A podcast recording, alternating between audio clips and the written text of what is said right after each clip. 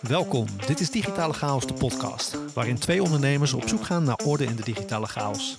Een reis door de wereld van ondernemen, psychologie, marketing, design en filosofie.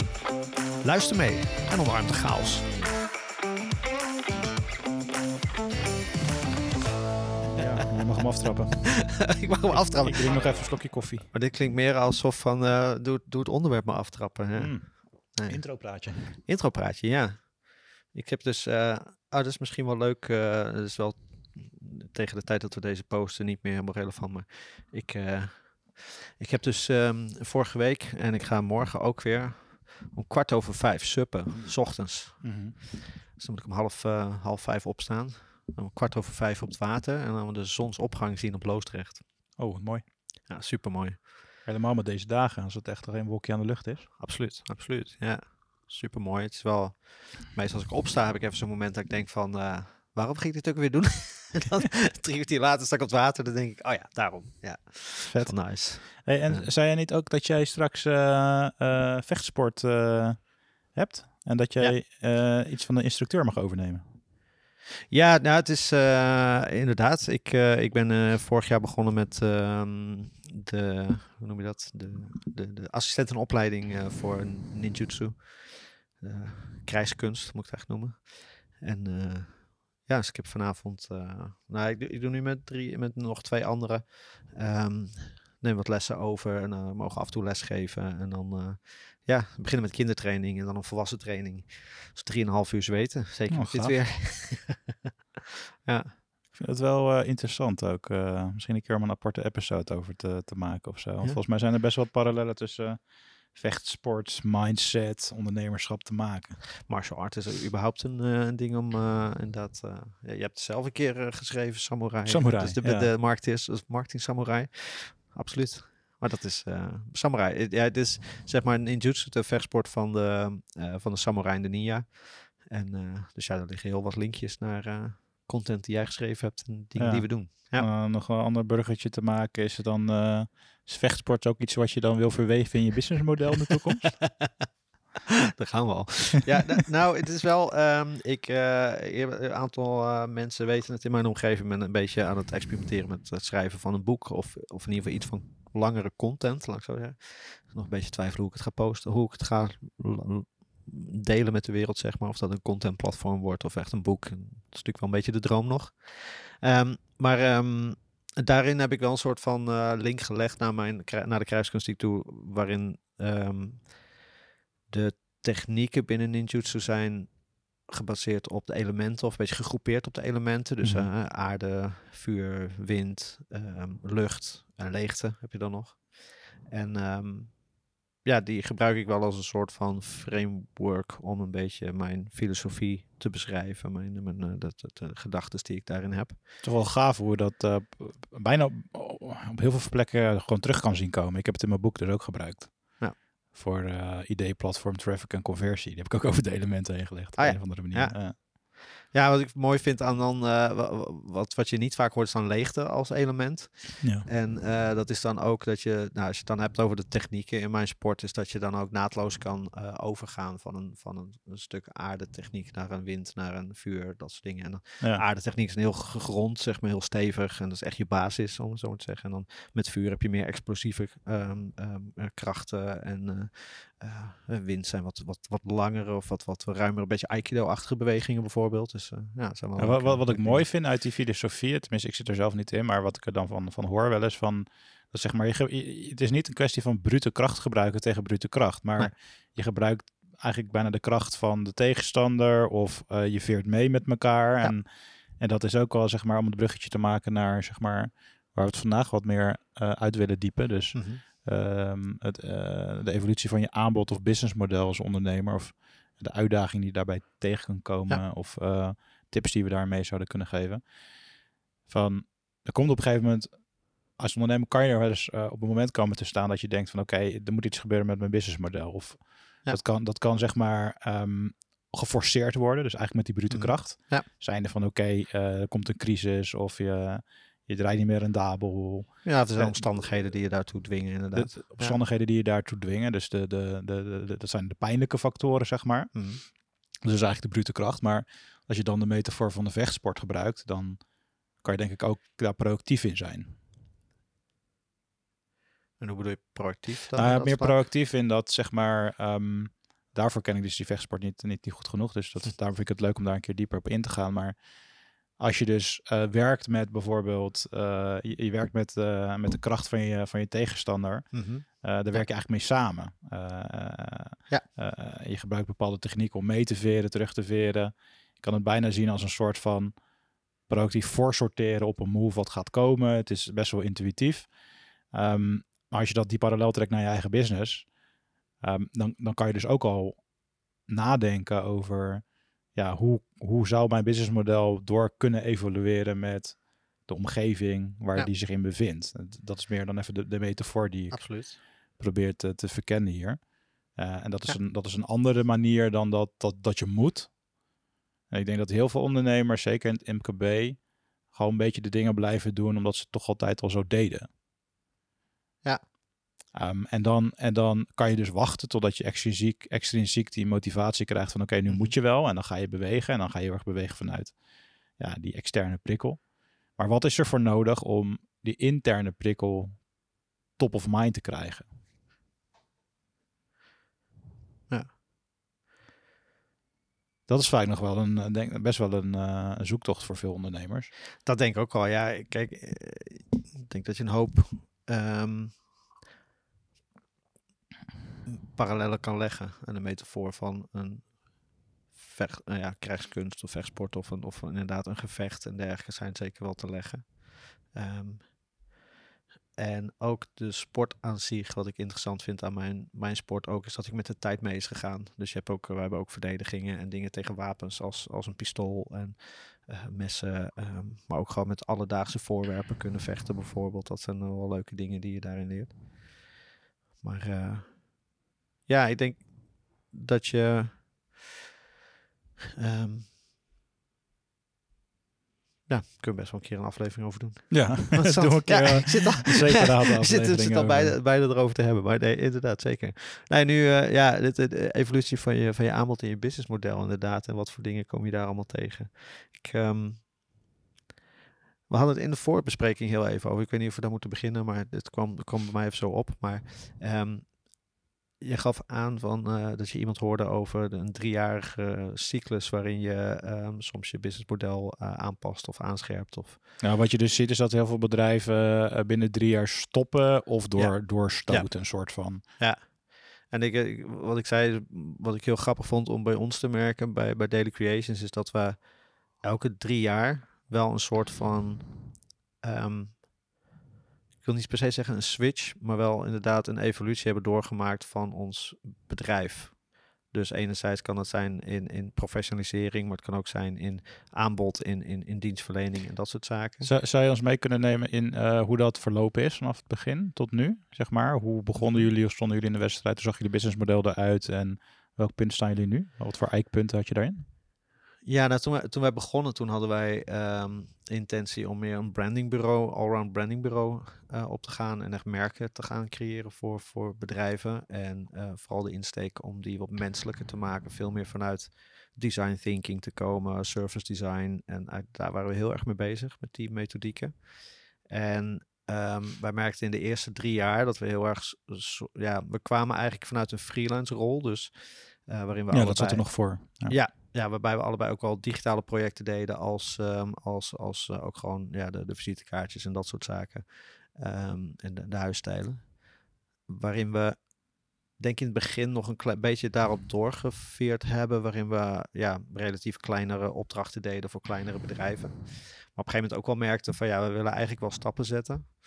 En toen zijn we heel arrogant ook wel gewoon stappen gaan zetten. Ook al een beetje zo van, ehm, eh, eh, nou, ik wil niet eens zeggen fake it till you make it, maar een beetje bluffen. Zo van, eh, nou, we hebben bijvoorbeeld op een gegeven moment met de CTO en de hoofd strategische marketing van Egon aan tafel gezeten. Wij als uh, startend brandingbureau dachten wel even de wereld te veroveren. Super gave gesprekken, super leuke ervaringen opgedaan. Maar, maar je, je, ik vind grappig, want je noemt de woorden bluffen en arrogant. Maar volgens mij hebben jullie gewoon op een gegeven moment een soort knop omgezet. Van hey, ja. we gaan nu iets veranderen in ons businessmodel. En er hoort een ander type klant bij. Er hoort misschien ook wel een bepaalde mindset bij. Om oh, dan absoluut. We hebben dat, dat gesprekken gewoon aan te gaan. En jezelf te positioneren als iets anders. Ja, kijk, ik vind, ik vind het achteraf soms beschrijf ik het als arrogant in de zin van dat ik dat wij een beetje um, naast onze schoenen zijn gaan lopen. Ja, of misschien grotere schoenen hebben aangetrokken dan we hadden op dat moment. Um, maar um, ik vind het niet per se negatief of zo. Het was wel gewoon een soort in dat mindset switch die we maakten. Zo van we willen serieuzere klanten, dus we moeten ons ook ja. serieuzer gaan profileren. En ja, dan verslik je je misschien een keer in een, uh, in een, in een gesprek of, of sta je ergens waar je misschien nog niet um, klaar voor bent. Maar het zijn wel hele waardevolle ervaringen die we opgedaan hebben. En wij hebben inderdaad, we zeggen wel letterlijk een soort mindset omgezet. Een soort switch omgezet waarin we zijn gaan kijken van oké, we willen wel serieuzer aan de slag. We hebben nu wel projecten waar we geld mee verdienen, maar we willen wel naar serieuzere dingen. En grappig genoeg, een van onze eerste klanten zei van ja, waarom focus je niet gewoon helemaal op digitaal?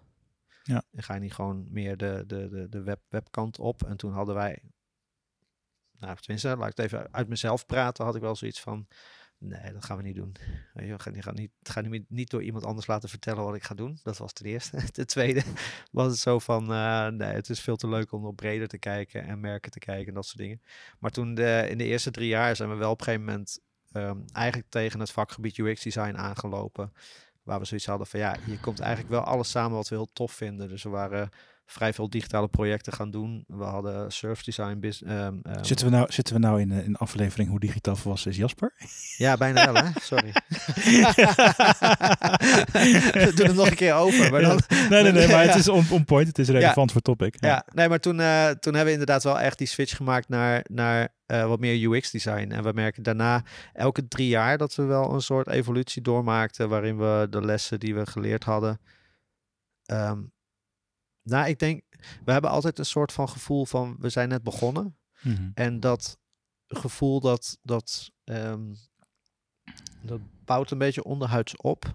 En na drie jaar is dat een soort, komt dat tot een soort tot een, tot een kookpunt, ja. een boiling punt waarin we zeggen van oké, okay, nu moeten dingen echt anders, want nu matcht onze kennis, onze kunde, onze mindset niet meer met hoe we ons presenteren. Ja. Dus vaak is het dan een huisstijl switch. En um, uh, nieuwe website bijvoorbeeld is vaak een ding. Of we scherpen inderdaad onze dienstverlening aan. Of um, uh, nou ja, op een gegeven moment personeel begonnen en dat soort zaken. Dus ja, dan maak je wel die, uh, die veranderingen door. Ja. Maar grappig genoeg, omdat jij net zei van ja, na drie jaar stoppen veel mensen of hè, gaan ze door, maken ze een evolutie. Ik merk oprecht, zeker nu we elf jaar bezig zijn, zeg maar, elke drie jaar wel een switch van mindset, van ja. evolutie eigenlijk van ons bedrijf. Dus eigenlijk van freelance naar branding, naar UX. En waar zitten jullie nu dan in? Zitten jullie ook weer in zo'n cyclus? Of waar, waar in zo'n cyclus zitten jullie nu ongeveer? Ja, ik denk dat we nu, ik denk we staan nu zeg maar, we hikken een beetje tegen een glazen plafond aan, omzettechnisch en, en um, um, capaciteittechnisch. Dus een beetje van, wat is nu het volgende? Moeten we extreem meer opdrachten binnengaan? Of moeten we een stap maken in hoeveel opdrachten we binnenhalen en dan capaciteit tekort komen? Mm-hmm. Of moeten we iemand aannemen waardoor we meer opdrachten kunnen doen? Dat is een beetje de, de, dat glazen plafond waar je op een gegeven moment een beetje tegenaan hikt. En, um, maar het kan ook een keuze zijn om het businessmodel gewoon hetzelfde te houden tevreden zijn met wat je hebt. Ja, ja dat kan toch niet? nou ja, dat vind ik ook, dat vind ik ook een lastige. Want, ja, dat is uh, een hele lastige. Ik heb daar, ja, we hebben het daar ook vaker over gehad uh, onderling van, ja, kijk, op een gegeven moment kan je iets heel erg goed. Ja. En uh, het makkelijkste natuurlijk als je gaat voor schaal of voor puur groei in financiële mm-hmm. zin, het is het makkelijkste om hetgeen wat je doet gewoon weer te repliceren en te schalen. Ja. Maar ik herken hetzelfde. Het is op een gegeven moment dan is het niet meer zo interessant, want dan, is, dan staat het goed. En dan ga ik ook automatisch een soort van voorsorteren voor iets beters of nieuwers. Ja. Dus als ik hem even, even afpel, kijk hoe die bij, bij ons is begonnen of bij mezelf, was eerst als freelancer aan de slag of eigenlijk gewoon als solopreneur. ehm, samen in een kantoor zitten. Uh, affiliate marketing was het eerste model. Hè? Zogenaamd passief inkomen. Moet je alsnog kaart verwerken. Maar dat werkte, dat werkte destijds best wel goed. Ehm, toen zijn we eigenlijk een webdesign label begonnen. Hè. We hebben verschillende labels gehad. Maar webdesign ook een stukje advies binnen een collectief. En dat werd uiteindelijk een bedrijf. Dit werd jou online. Dus echt een webdesign bureau wat dan ontwikkelde. En dat, en dat was dan de tweede stap. Dat was echt uh, dus uh, ontwikkeling tot groeipartner. Dus partner in online groei. Dat was echt, eh, dat herken ik ook, echt die mindset shift. Dus mhm. dat je niet meer de mindset had van oh, een website voor 1000, 2, 3000 euro verkopen. Maar je gaat als een partner erin. En je gaat echt meedenken met de ondernemer van hoe kan je je ja, hoe kan je naar het volgende niveau groeien? Wat zijn eigenlijk je doelstellingen, je, je dromen en uh, wat zit eronder? En uh, dat hebben we best wel, uh, best wel een tijd gedaan. Dat doen we nog steeds. Dat zijn we wel aan het afbouwen. Um, want ja, wij zijn nu ook bijna 13 jaar ondernemer en allebei kleine kinderen. En dan kom je toch ook eigenlijk wel een soort van fase van: oké, okay, wil je impact maken op schaal met mensen of wil je meer impact maken op schaal in, in de markt? Ehm, of in de wereld, of wat dan ook. Um, dus wij zijn veel meer gaan verschuiven naar de tweede. En dan kom je ook, nou ja, als je dan gaat nadenken, hoe kan je die impact dan maken? Nou, onder andere dan door een boek te schrijven of podcasts te maken, maar ook door um, andere mensen te gaan leren hoe je kan doen wat je zelf hebt geleerd. Dus in die fase zitten we nu heel erg. Ja, nice. Dat je eigenlijk, ja, het woord coaching vind ik niet helemaal de lading dekken, want het is, het is, we gaan, eh, het is eigenlijk gewoon strategie en coaching, maar die coaching eigenlijk is dan eigenlijk ook een stukje inhoudelijk vanuit het vakgebied meedenken. Dus ja. we coachen dan wel marketeers, dan wel in-house, dan wel zelfstandig marketeers. Ehm, maar het unieke is dan denk ik juist dat je coaching verbindt met een stukje inhoud. Ja, precies. Uh, dus dat model zijn we nu uh, en de afgelopen jaar. En dat is ook wel als je kijkt naar wat zijn dan uitdagingen, worstelingen. Ik vond het best wel lastig om een, lopen, een rijdende trein ja. te gaan verbouwen naar een uh, ja, nieuw sprintertje. En op een gegeven moment, ja, maar het heeft natuurlijk ook met focus te maken. Hè? Ja. Dat als je ehm, nog met één been in het oude staat, is het lastig om het nieuwe goed uh, van de grond te krijgen. Ja. Uh, maar dat wil niet zeggen dat je dat niet als een soort van innovatielijn kan opbouwen. Dus dat is wat wij uiteindelijk hebben gedaan. We hebben een soort van rustig dat nieuwe opgebouwd. Ja. En op een gegeven moment um, natuurlijk wel gewoon er naartoe gewerkt dat dat steeds belangrijker zou worden. Dus ook mm -hmm. op een gegeven moment bepaalde klantcontracten niet meer verlengd. Um, en, dan, en nu zitten we een beetje op dat kantelpunt. Dat merk ik heel erg. Dus uh, ik zit nu zeg maar in de, in de situatie dat, um, dat na de zomer, dat ik ook echt uh, zeg maar vol, vol gas kan gaan op het nieuwe.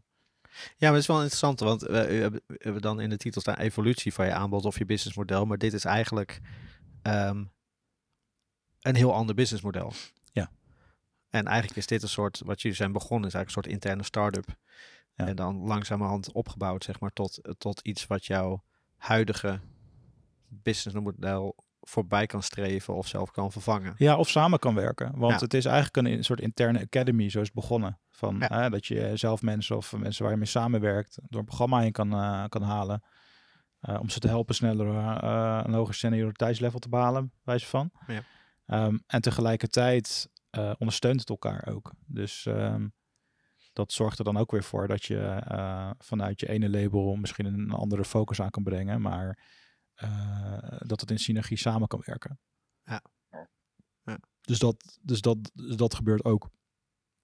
Um, ja, want dat zie je ook wel bij, bij grotere bedrijven. Als je, als je een groter bedrijf bent, of, of dat zie je wel bij wat grotere bedrijven, is dat ze op een gegeven moment, ja, je kan ervoor kiezen om je huidige um, dienstverlening of je huidige uh, strategie zeg maar helemaal om te gooien en het dan uh, of te laten evalueren naar iets anders, wat soms langer kan duren, of je start een soort interne start-up en je wordt een soort concurrent van jezelf, totdat ja. je concurrent zeg maar groter is dan jijzelf en uh, dan maak je de switch naar het andere model.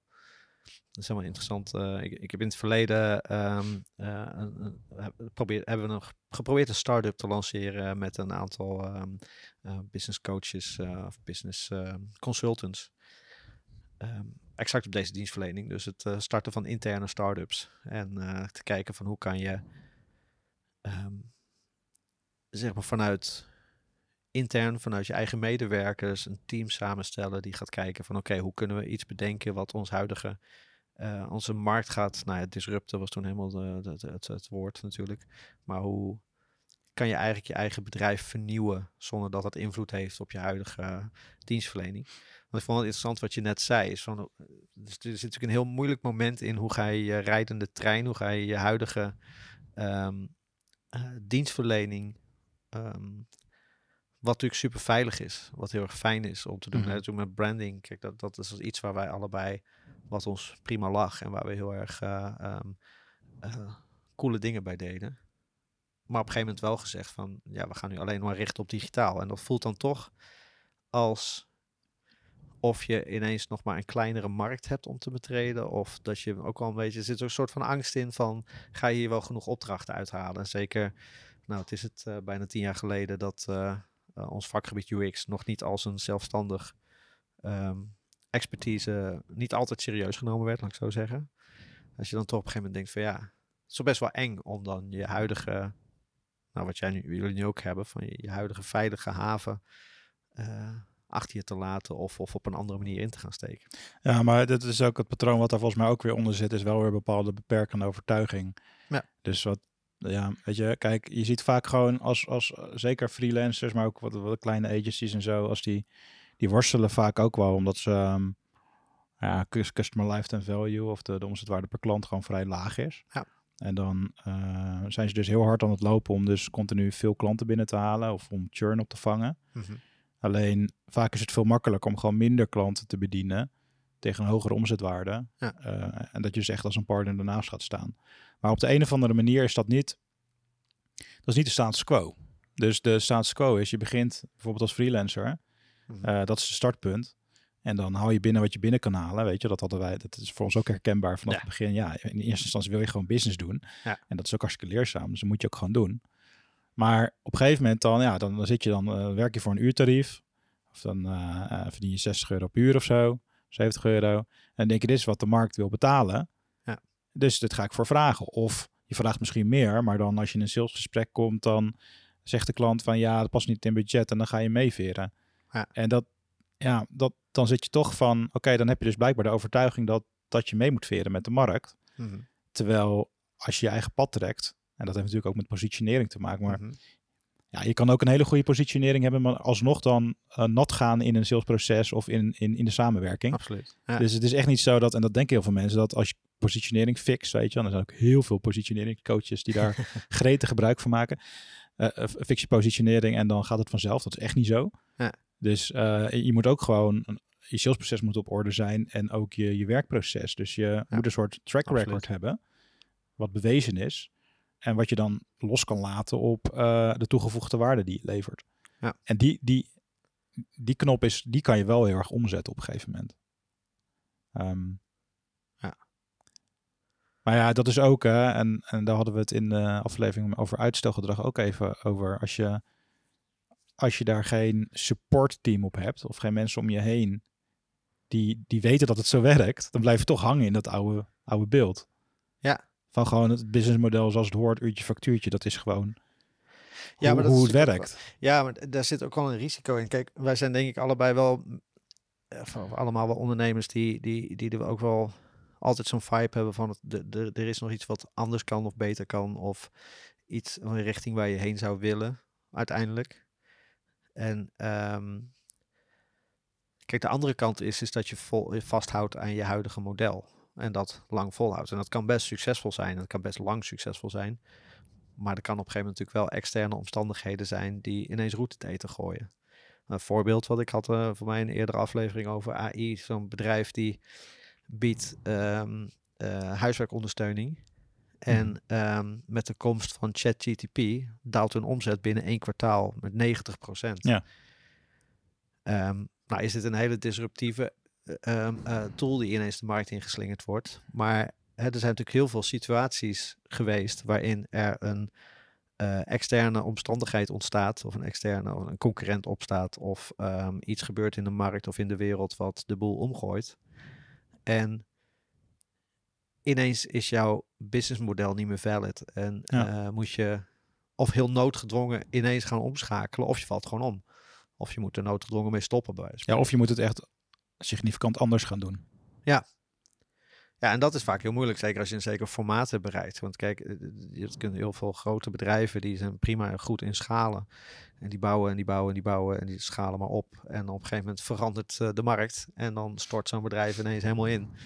Ja, dat, dat zie je gebeuren. En dat, ik denk dat er is wel een soort van gulden middenweg. Want ik denk, soms heb ik wel zoiets bij ons, of ook bij mezelf, wel zoiets van: wil ik niet te vaak te veel evalueren of te, ja, of te, veel, te snel te nieuw maken. Te snel te nieuw maken. Of dat ik denk van, nou, dit trucje kunnen we wel. Dus wat is het volgende? Ja. Dat is denk ik wel iets waar voor mij een uitdaging, een worsteling in zit eigenlijk misschien wel.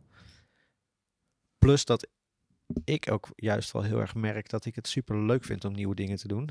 Dat is natuurlijk aan mijn batterij en hobby's is dat ook wel een ding. Maar ik laatst ook een keertje gewoon als, ex, uh, gewoon als experiment um, de branding van mijn holding aangepakt. En daar is een, uh, een, een, eh, visie en een missie achter gezet. En ik merk dat ik daar wel weer een soort van ja, heel veel nieuwe energie van krijg. En heel veel ook inspiratie, maar ook alweer voor Daily Creations, voor, voor bedrijf, zeg maar heel veel ideeën krijg ineens. Of, of zoiets heb van, oh ja, wacht, dat kan ook eens zo. Dus echt aan iets nieuws bouwen vind ik soms ook gewoon wel echt, ja. echt wel heel erg tof. En, ja. ja, wat, ja. Wat, wat, volgens mij wel key, key daarin is van, volgens mij kan het ook naast elkaar. Want je hebt, um, je hebt ook een bepaalde periode, maar je hebt wel echt een bepaalde periode nodig om het nieuwe te testen. Ja. Dus als je zeg maar gewoon een lopende business hebt, dan um, en je gaat bijvoorbeeld, je hebt een nieuw idee of je wil een nieuw model neerzetten of een nieuw aanbod uh, wat echt nieuw is buiten wat je al aanbiedt. Uh, dan, als het zeg maar een andere doelgroep is, dan, dan weet je nog niet of er product market fit is. Ja.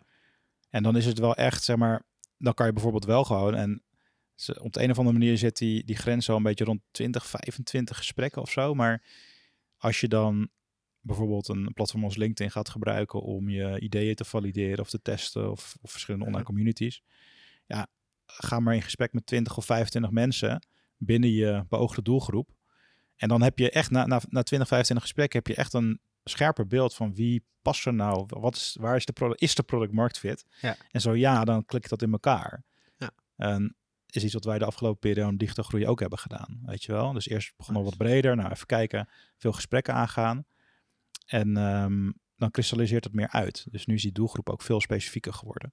Ja, nou, ik, ik, voor mij we het wel eens over gehad buiten de podcast om hoor. Maar ik vraag me ook af of dat een soort natuurlijke, natuurlijke ehm, lessen zijn die je als ondernemer leert. Want ik hoor heel veel dingen, hoor ik vaak terug. In de aflevering over uitstelgedrag ook wel over. Maar um, ook startende ondernemers die nog nooit een bedrijf hebben gehad, dus echt verse ondernemers, die, die doorlopen toch altijd een beetje dezelfde stappen, misschien valkuilen ook wel, van eerst inderdaad maar alles aanpakken en iedereen maar bedienen om geld te verdienen en dat soort dingen. En dan op een gegeven moment erachter komen van, oh ja, ik mag wat meer gaan focussen. Ja. En dan op een gegeven moment, ja, ik heb wel eens ondernemers gecoacht die, die uh, om te starten, zeg maar, vaak even die eerste drempels over te helpen en dat soort dingen. Maar ik ben onderhand ook wel een beetje tot de conclusie gekomen van ja, sommige dingen kan je heel hard roepen tegen iemand.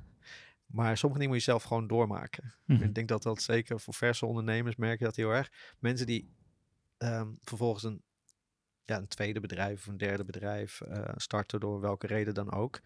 Zie je wel echt belangrijke switches maken, inderdaad. Nou, veel concretere doelgroep kiezen. Ja. Uh, um, procesmatiger werken. Echt aantal dingen, aantal lessen die ze dan uit een eerste ja, experiment of eerste onderneming hebben opgepikt. Dat ze dat beter kunnen doorvoeren. Ja. En dat vind ik wel weer grappig aan dan de cultuur van Amerika bijvoorbeeld, waarin het bijna een must is dat je een paar keer failliet bent gegaan of een paar keer een, uh, de, de mist in bent gegaan met een bedrijf. En dat dan je tweede, derde, vierde poging echt serieus genomen wordt. Zo van oké, okay, dan heb je misschien heb je dan die eerste lessen geleerd of zo. Die eerste. En dan, in Nederland is dat toch uh, soms ja, wel eens anders. Het is wel grappig. Ik, ik sprak dus vandaag ook, vandaag ook iemand die, uh, die dus ook uh, nu gaat meedoen bij, bij Digitaal Groeien. En um, die is dus een tijdje voor zichzelf bezig. Maar ook veel verschillende dingen. Maar die werd wel gewoon, zeg maar, als je dan, als je dan lid wordt van de community, dan krijg je ook toegang tot week 1. Dus uh, die had ook week 1 al doorlopen. En die werd al meteen getriggerd van oké, okay, weet je, ik wil misschien te veel. Ik, ik um, al letterlijk een klantgesprek gehad deze week van ehm, eh, normaal gesproken een soort van afwachten van oké, wat wil je? U vraagt wij draai en nu al veel meer vanuit die partnerrol erin gaan staan, van al Ah. proactief meedenken. En dus die switch, switch was al aangezet. Ja. En dat is wel grappig, want het is, ik denk dat die, die competentie zit dan al, die zit al in iemand. Het is Hmm. echt niet zo dat hij dat niet al zou kunnen of zo, maar het is meer een soort van, misschien een bevestiging van iets wat hij onbewust al wist. Ja. En, en, en dan kom je dan ook weer een beetje op dat, ja, ik, ik denk dat je altijd wel een soort van klankbord nodig hebt. Want het is heel erg moeilijk om zo'n verandering in je eentje helemaal te trekken. Ja. Dat, dat zo heb ik dat ervaren, bijvoorbeeld wel ervaren. Van op het moment dat, dat er wat meer klankbordmomenten kwamen, werd het veel makkelijker om, ook, ehm, ja, om het ook op te hangen eh, aan je visie en missie en dan er nou echt voor te gaan. Dus het is zeg maar, volgens mij heeft verandering wel echt te maken met, als je wil, graag wil veranderen, of je nou een ZZP'er bent of je hebt een bedrijf, Mhm. van verandering ontstaat niet geïsoleerd. Je kan niet denken dat als jij het idee hebt van dit is het briljante, innovatieve idee, kan je niet doorduwen, zeg maar. Je hebt altijd een soort van Het is goed om dat te spiegelen, denk ik. ja, goed om dat, je hebt denk ik altijd een soort te- van eh, wel intern ook. Eh, als je een wat groter bedrijf hebt, je altijd intern wel echt mensen nodig die dan een soort van kritieke posities binnen de organisatie hebben, die dan ook ehm daar buy-in op hebben of zo. Je hebt natuurlijk altijd Ehm. de outliers die dan, eh, waar, het, waar het dan per ongeluk lukt. Ja. toch op die andere manier te doen. Ja, is ook. En er Nou, zijn ik ook. denk wel, eh, denk wel dat je gelijk hebt. Kijk, en dat. ehm, het, ligt er misschien ook een klein beetje aan waar je idee vandaan komt, denk ik. Kijk, mensen zien wel eens eh, ah, bijvoorbeeld iemand als ehm, eh, Steve Jobs, die, eh, die dan gezien wordt als een soort genie die 's ochtends onder de douche bedacht van, eh hey, een iPad. en dan eh, dat dan zeg maar een soort van in het bedrijf induwde. ja, Maar zo werkt het niet. Absoluut niet. Nee, Ja. en, en Steve Jobs was gewoon ook heel erg goed in het bedenken van oké, wanneer gebruik je nou een computer? Wanneer heb je hem nodig? In welke context? En, en ehm, hoe ben je dan het beste geholpen? En die dacht heel erg vanuit de, de trends, de situaties, vanuit, ehm, ja, ik weet niet in hoeverre die marktonderzoek deed, maar die kon wel gewoon heel erg goed inleven in van oké, wanneer wil ik nou met zo'n apparaat bezig zijn? Hij heeft eh, een keer zo'n mooie eh, gradu- graduation speech gegeven. Volgens mij vertelde hij daar dan ook in dat, zeg maar, dat is ook helemaal terug te herleiden, zeg maar, naar zijn calligrafielessen. Die hij dan als een soort van bijvak deed op de Unie. ja. Gewoon eh, bepaalde designkeuzes, weet je, die Ja. zijn dan doorgestapeld doordat hij, ehm, ja, doordat hij ook gewoon dat soort lessen heeft genomen. En, eh, dus het komt niet uit, het is niet, ja, die innovaties komen niet ineens uit de lucht vallen. Het is een soort opeenstapeling van verbanden en misschien ook wel gesprekken die je met andere mensen voert. Ja. Eh, en dan, dan klikt het op een gegeven moment in elkaar, zeg maar. Ja, en dat, dat denk ik ook. En dat, eh, eh, dat zie ik ook met het evalueren van je bedrijf of van je aanbod of je businessmodel. Ik denk dat dat ook ergens wel gekoppeld is aan de persoonlijke groei van de ondernemer zelf. Ja. Want ja, ik heb ook inspiratie gehaald uit hele andere momenten of hele an- in hele andere contexten. Waar je ineens een nieuw inzicht op doet. Of met iemand praat waarin je ineens geactiveerd wordt op een bepaalde manier. Ja.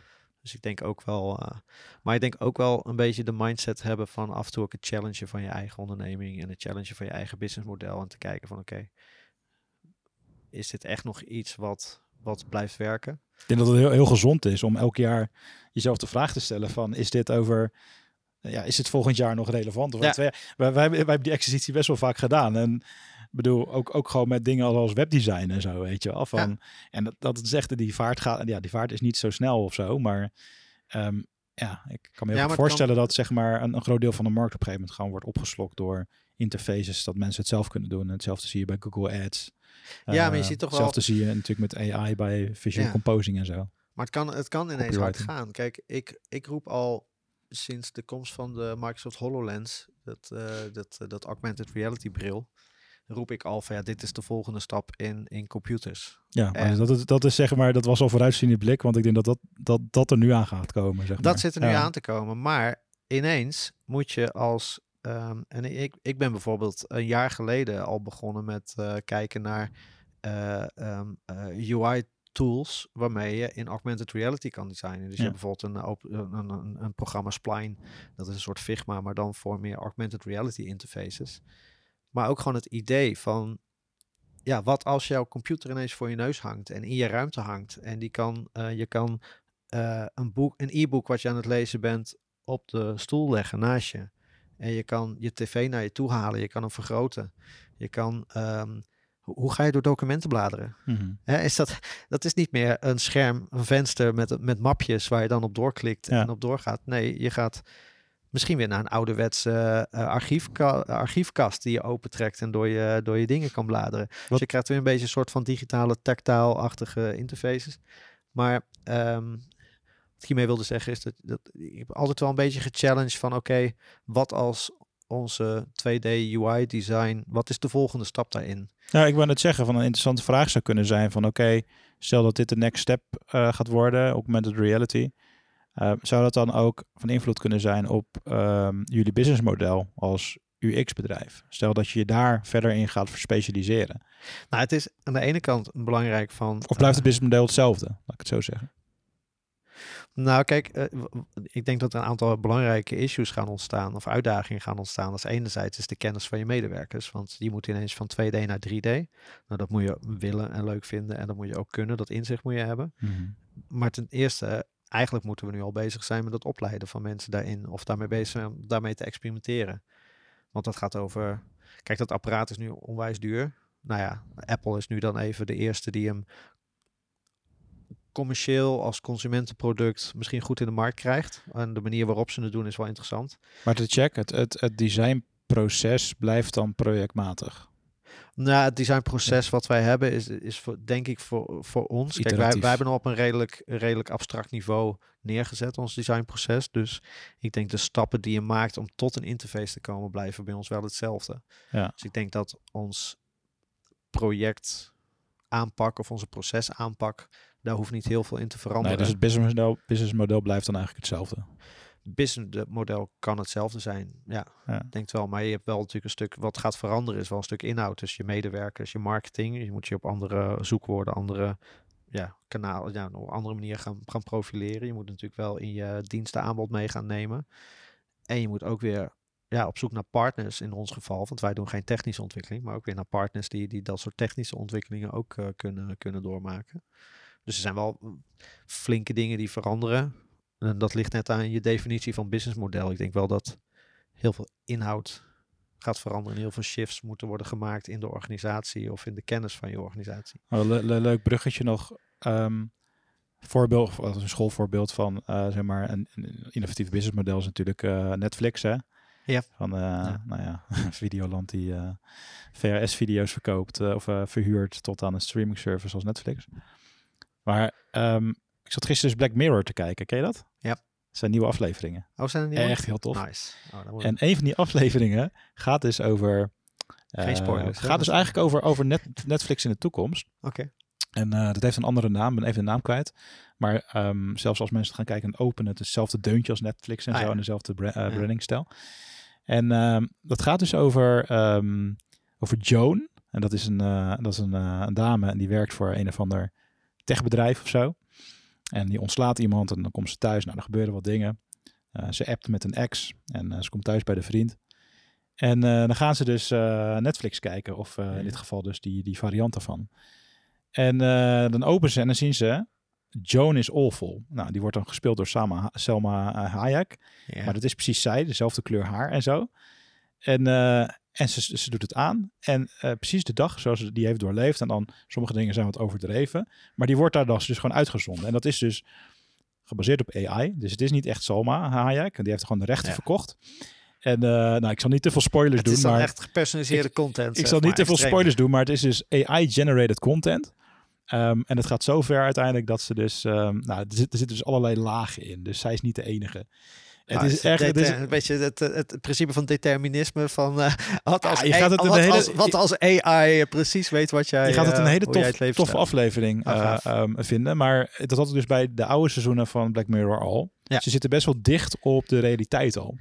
En Nou, je ziet een hoop dingen die, die in de oude Black Mirror afleveringen zijn ge- gepost. Die, die een soort van waar, of in Ja. ieder geval in het echt terug te herleiden zijn. of die, al, die, al, nu al ontstaan of aan het Ja. ontstaan zijn. En ehm, Overigens is dat een hele interessante. ehm, exercitie om te doen met je organisatie. Ik heb ooit een, ehm, ik wil, ik wil niet je hele verhaal onderbreken nu, maar eh, een eh, consultancypartij, eh, ik weet niet meer welke dat nou precies was. Maar die hadden een presentatie gegeven op mijn opleiding vroeger over eh strategie-sessies die zij deden. En zij maakten voor organisaties een soort vier scenario's, waarbij je een doemscenario maakt, een, een hoe noem je dat, middelmatig negatief scenario, een middelmatig positief scenario en een super positief scenario. En daarin ga je dus eigenlijk een beetje gewoon de toekomst kijken van wat als alles misgaat in de markt. En wat als alles supergoed gaat in de markt. Wat als de, de wind in je zeilen staat en alles. Mhm. En dan maak je eigenlijk een soort scenario's naar de toekomst toe, waarin je nu zou kunnen. Eigenlijk de uitkomsten daaruit zijn activiteiten die je nu zou kunnen doen om als jij signalen ziet van een van die scenario's, eh, om daarop in te spelen. Ja. En een super interessant, eh, ehm, ja, hoe noemt het, gedachte-experiment of ja, strategie-experiment om te doen. Om gewoon eens te kijken van oké, hoe, eh, hoe kan je dat doen? En dat vind ik aan Black Mirror ook. Dat zijn eigenlijk gewoon gedachte-experimenten van laten we iets beetpakken en dat extreem doorvoeren. Kijken wat er dan gebeurt Nou, op de markt. Maar dat, wat het ding is, zeg maar, als je ehm, vijf jaar geleden deze aflevering had gekeken, dan had je gedacht van, dat is echt koekoe. Hoe bedenk je dit? Dat kan niet. Ja. Terwijl de redenatie daarachter nu is al plausibel, want Ja. ehm, ze maken eh, iets gebaseerd op eh, door AI. Eh, het komt doordat ze een telefoon of een scherm in de buurt heeft die opvangt wat ze zegt. Ja. Ehm, de geodata stuurt door waar ze werkt. Ja. Eh, kan laten zien, eh, misschien zelfs eh, welke wegen ze rijdt. Ja. En- dan de content, die is vaak niet 100% hetzelfde. De storyline is ongeveer hetzelfde. Ja. Content is soms iets, iets aangedikt. Nou, dat hebben ze juridisch dan helemaal dichtgetimmerd Ja. in die serie. Ehm, maar ik kan me nu al bedenken van ja, dit, dit zou realiteit kunnen worden. Ja. En dan, ja goed, dan kom je natuurlijk helemaal op, dan kom je wat meer op filosofische discussies. Wat, wat een Elon Musk ook wel eens eh, roept, hè, dat de kans vrij groot is dat al, als wij dit gaan uitvinden, dan is de kans ook wel aanwezig dat we al in zo'n wereld eh, zouden kunnen leven. Dus Ja. dan, eh, dat is wel interessant zijsportje. Ja, maar ik had, ik had bijvoorbeeld gisteren of van het weekend een. nee, deze week had ik een feestje, of een, een, een examenfeestje van iemand. En daar zaten we ook eh, wat verschillende generaties bij elkaar. En toen ging het ook over eh, artificial intelligence. En dan zag je toch ook wel heel duidelijk verschil in generaties van ehm, mensen die het echt zien als iets heel engs. Ja. Echt een bedreiging, maar ook, ook wel ehm, valide. Hè? Natuurlijk gewoon de, de AI-gegenereerde afbeeldingen, video's, dat soort de deepfakes en dat soort, eh, dat soort gevaarlijke zaken. Maar ja, aan de andere kant ook de jongere generatie die zegt van ja, maar ja, het heeft ook wel, het is ook een tool waar je heel veel mee kan. Het is ook Ja. een soort gereedschap wat, wat ehm, heel veel kan betekenen voor de markt. En dat is toch wel interessant. eh, Nou ja, terug, te- terug, teruglopend naar zeg maar, het ontwikkelen van je, van je businessmodel of aanbod. Ja, dat zie je dan natuurlijk ook als paddenstoelen uit de grond schieten. Je kan denk ik ook veel soort hybride businessmodellen gaan ontwikkelen waarbij je AI gebruikt om, om je eigen aanbod te, te poweren. Of, ehm, zijn, ja, de toepassingen zijn natuurlijk zo breed, zo legio. Ja, maar er is aan de andere kant misschien ook alweer een hele grote markt voor mensen die AI maar eng vinden en, het op zoek eh, zijn naar menselijkheid. En juist die menselijkheid weer willen zien. Ik denk dat je juist die tegenbeweging gaat wijs versterkt worden. Ja.